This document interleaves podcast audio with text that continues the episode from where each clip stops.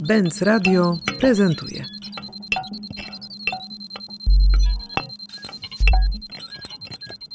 Grzegorz Piątek, krytyk architektury, publicysta, pisarz i współsprawca wystawy. Jesteś y, głównym bohaterem, chociaż właściwie jesteś no, tym drugim bohaterem, bo pie dokładnie pierwszym bohaterem jest, y, bohaterką właściwie jest Warszawa. Y, reportażu Michała Kukawskiego Stare Miasto, Nowe Miasto, które w konkursie na reportaż radiowy poświęcony współczesnej architekturze Warszawy i twórcom Słysz, który zorganizowaliśmy w tym roku, zajął drugie miejsce. I tu ym, bardzo ciekawie się splata to, co jest Twoim darem dla nas wszystkich, czyli Twoja książka. Ym, ukazała się w, także w tym roku, na początku tego bardzo bogatego wydarzenia roku. Książka ym, Najlepsze miasto świata, które poświęcone jest Warszawie, z tą pracą, którą wykonujesz już od lat, ucząc nas tak naprawdę historii i logiki e, Warszawy, z mm, takim poszukiwaniem nowych warszawiaków, tych, którzy tu się pojawiają i tych, którzy po prostu dorastają w Warszawie. Taka ciekawość, dlaczego to miasto wygląda tak, jak wygląda, z, z, czego wynika jego czasami brak logiki przestrzennej, ta dziwna urbanistyka, urbanistyka przypadku. I źródła tych e, wszystkich e, pytań właśnie prowadzą nas oczywiście w przeszłość. I teraz łącząc te wszystkie wątki, przygotowaliśmy mikrowystawę, którą chcielibyśmy, żebyś e, dla nas opowiedział trochę. Głównym, głównym eksponatem jest historyczny wydruk mapy Mm, mapy Warszawy. I tutaj ja już więcej nic nie powiem. Również sposób, w jaki ta mapa do ciebie dotarła, jest y, bardzo interesujący. Więc skąd ją, skąd ją, skąd ją masz? To jest rzeczywiście bardzo wyjątkowa mapa. Wyjątkowa dla mnie też osobiście, bo um, ja reprint tej mapy zobaczyłem jako dziecko i go bardzo zapragnąłem w księgarni.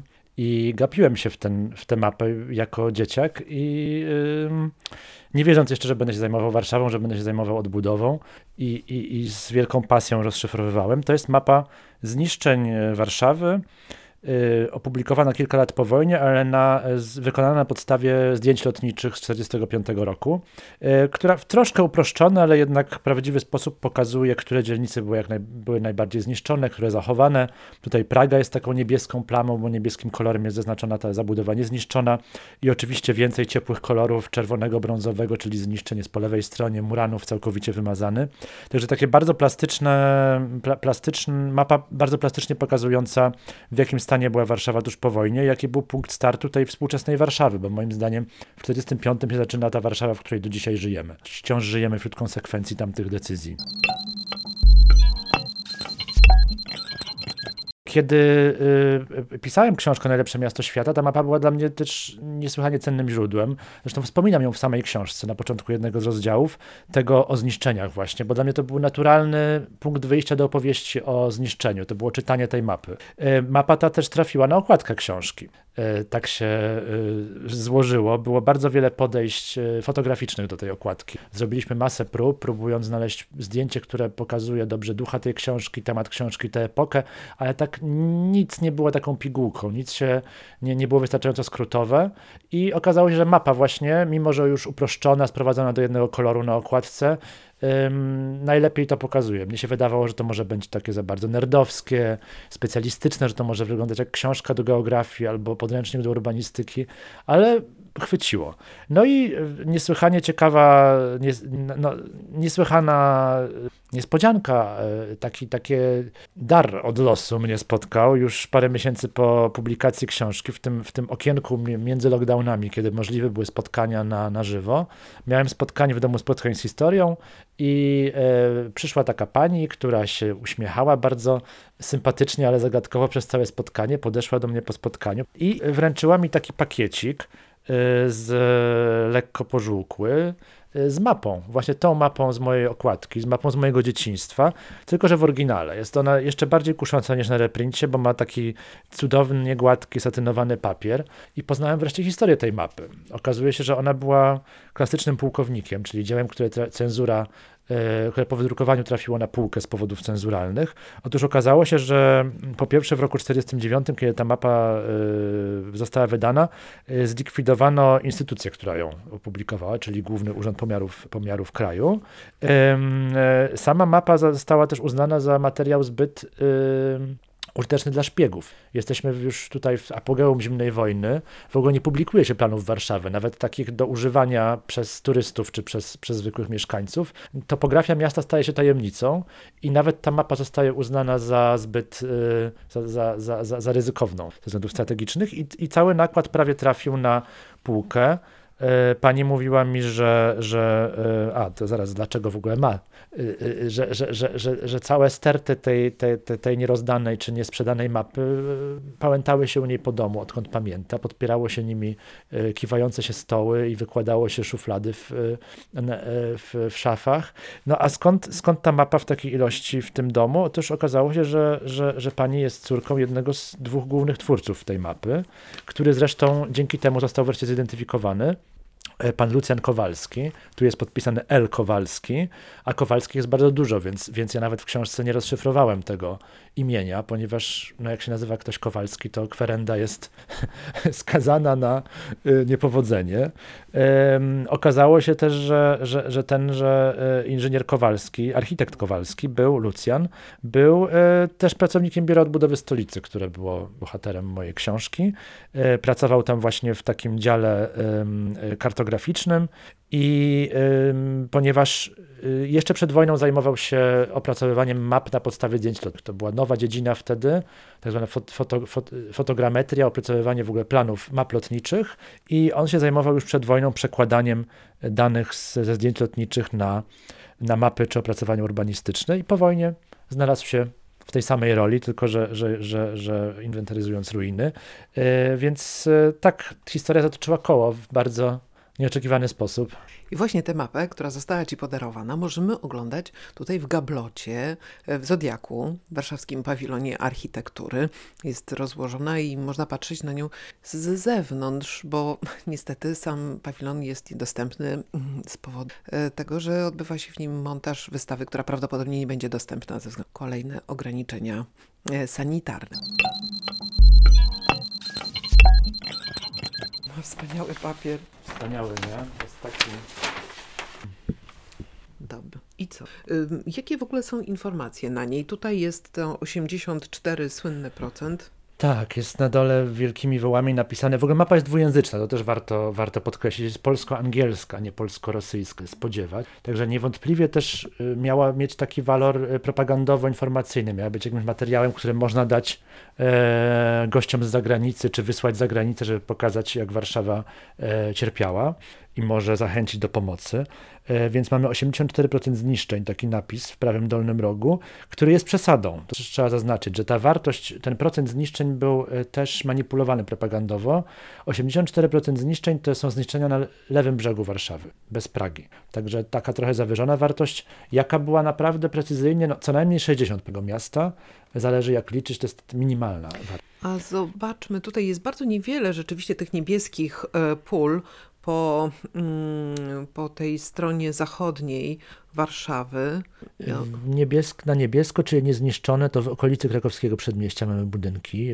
Hotel tutaj, Pałac Prezydencki, wizytki, e, dom Beskantów, potem taki e, kawałeczek koło dworca głównego, czyli Aleje Jerozolimskie, tam gdzie do dzisiaj jest rezerwat e, przedwojennych kamienic, jakieś plamki na Mokotowie w okolicy Alei Szucha. Przeważnie to są okolice, gdzie do końca Niemcy stacjonowali, bo tam nie było walk powstałych. No, widzę, że nasza kamienica, w której mieści się Benz, tak. Benz także jest tutaj na niebiesko, tak. no bo ona ewidentnie przetrwała rzeczywiście wojnę i powstanie dzielnie tutaj sto, stojąc. Muzeum Narodowe też można zobaczyć e, w alejach. E, no i e, pawiloniki na niebiesko Szpitala Ujazdowskiego, gdzie potem rozgościło się Biuro Odbudowy Stolicy właśnie dlatego, że nie były zniszczone. Ale to, co widać, to co jest uderzające na tej mapie, to to, jak mała ta Warszawa była jak wiele przestrzeni, tu jeszcze ciągle pola, nie wiem, zieleń, jakieś łąki pewnie, no to dzisiaj są na nich ogromne osiedla. Tak, Warszawa była przed wojną, czy przed powstaniem o wiele gęstsza, więc e, milion trzysta tysięcy ludzi mieszkało na e, obszarze dzisiejszego Śródmieścia, bliskiego Mokotowa, Żoliborza, Woli i Pragi. Także to było o wiele, o wiele gęstsze miasto i dlatego ta Warszawa tu się wydaje mniejsza.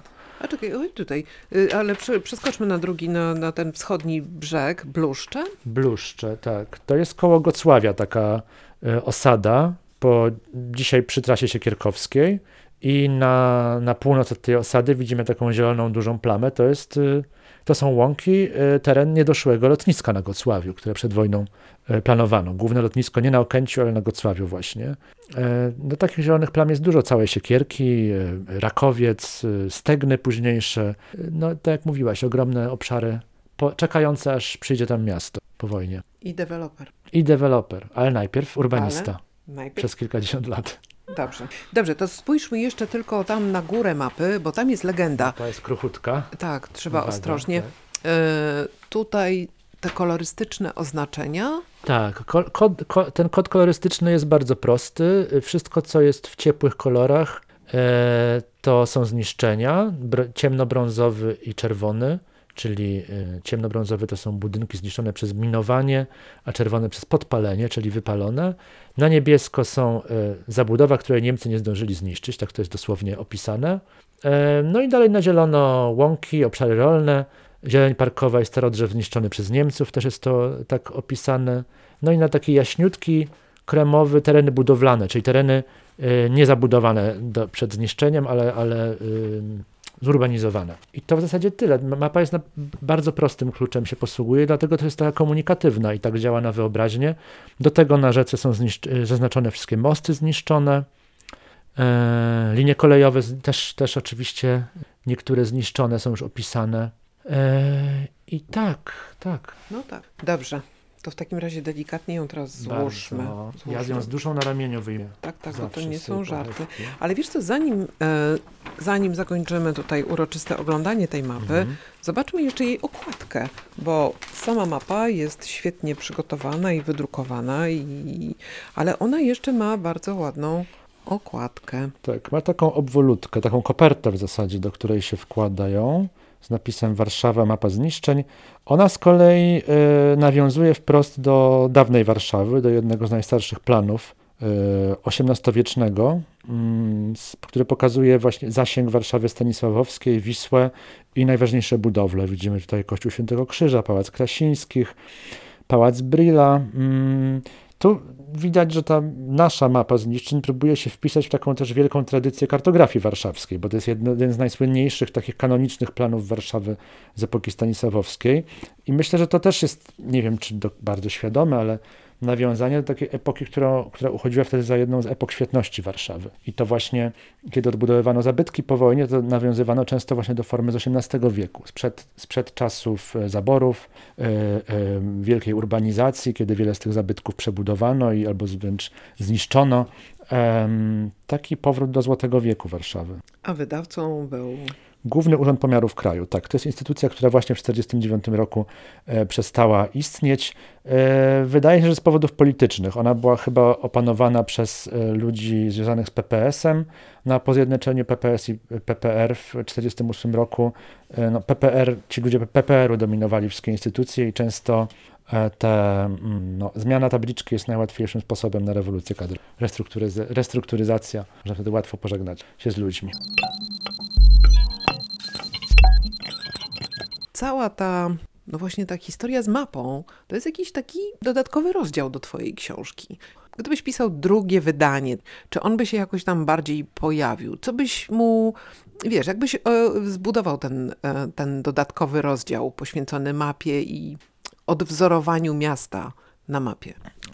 Wyjęłaś mi to z ust, bo miałem właśnie powiedzieć, że gdy, jeśli dojdzie kiedyś do takiego wydania drugiego, rozszerzonego książki, a bardzo bym chciał, bo już po publikacji y, właśnie zda, zdarzy, miałem parę takich przygód, że ktoś się do mnie skontakt, ktoś się ze mną skontaktował, przekazał mi jakieś nowe informacje e, i, i na pewno fajnie by było kiedyś tę książkę jeszcze wzbogacić, a ten dokument nadaje się idealnie, bo ja też swoją opowieść kończę na 49-50 roku, kiedy właśnie ta mapa powstaje i na półkach zalega, e, takich historii tam jest więcej. Jest mowa o końcu tego romantycznego pierwszego okresu odbudowy, kiedy się wydaje, że wszystko jest możliwe, że inspiracje architekci mogą czerpać zewsząd, że cały świat pospieszy nam z pomocą, e, że możliwe jest to najlepsze miasto świata.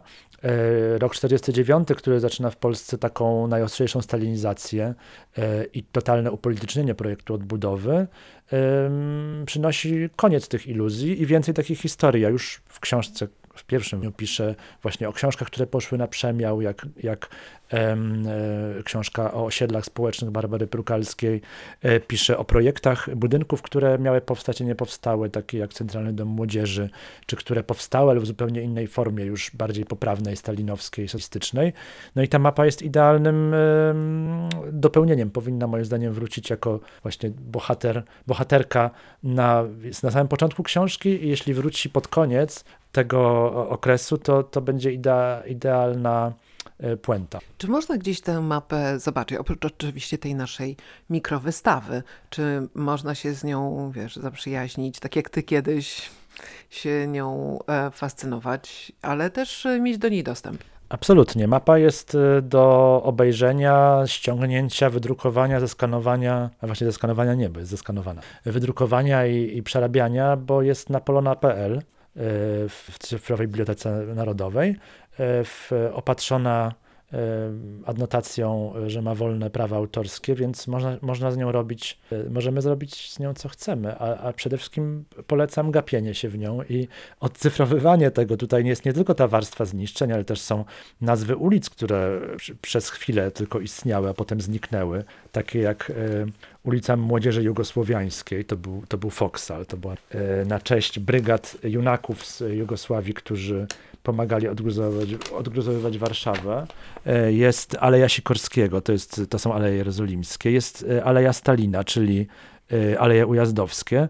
E, a jeszcze e, funkcjonują tu resztki nazewnictwa przedwojennego, które potem zniknęło, jak Chmielna Złota i tak dalej, czy, czy sieć ulic dawnego getta, dzielnicy północnej, którą za chwilę um, przemieniono zupełnie podczas budowy Muranowa. Także jest to też taki dokument um, tego momentu w, w, historii miasta i też um, jest tutaj już zaznaczona przerywaną linią budowana wtedy trasa WZ, także też można fajnie sobie prześledzić, którędy przez ruiny czego ona pobiegła. E, polecam. E, ja w bibliotekach cyfrowych mogę noce zarywać i myślę, że jest to jeden z najzdrowszych sposobów zarywania nocy. Słuchaj, podsumowując, czy sądzisz, że dzisiaj architekci spędzają dostatecznie dużo czasu w obecności map miast, w których mają pojawić ich realizacje? Czy architekci w ogóle czują się w obowiązku, wiesz, studiować mapy, przestrzeni, do których dodają swoje współczesne pomysły, wytwory. Ja nie, nie, sprawdzam, co architekci robią po nocach, więc nie wiem, czy, czy sprawdzają, ale niewątpliwie architektura w naszych czasach jest w takim dziwnym e, rozkroku. Z jednej strony jest już takim, takim wręcz komunałem żądanie, żeby architektura się wpisywała w kontakt. To jest takie oczywiste, prawda, e, kryterium. A z drugiej e, jednak żyjemy w czasach bezprecedensowej globalizacji materiałów budowlanych, technologii, wzorców, tego, czego rynek żąda, takiego zglejszachtowania i ujednolicenia oczekiwań.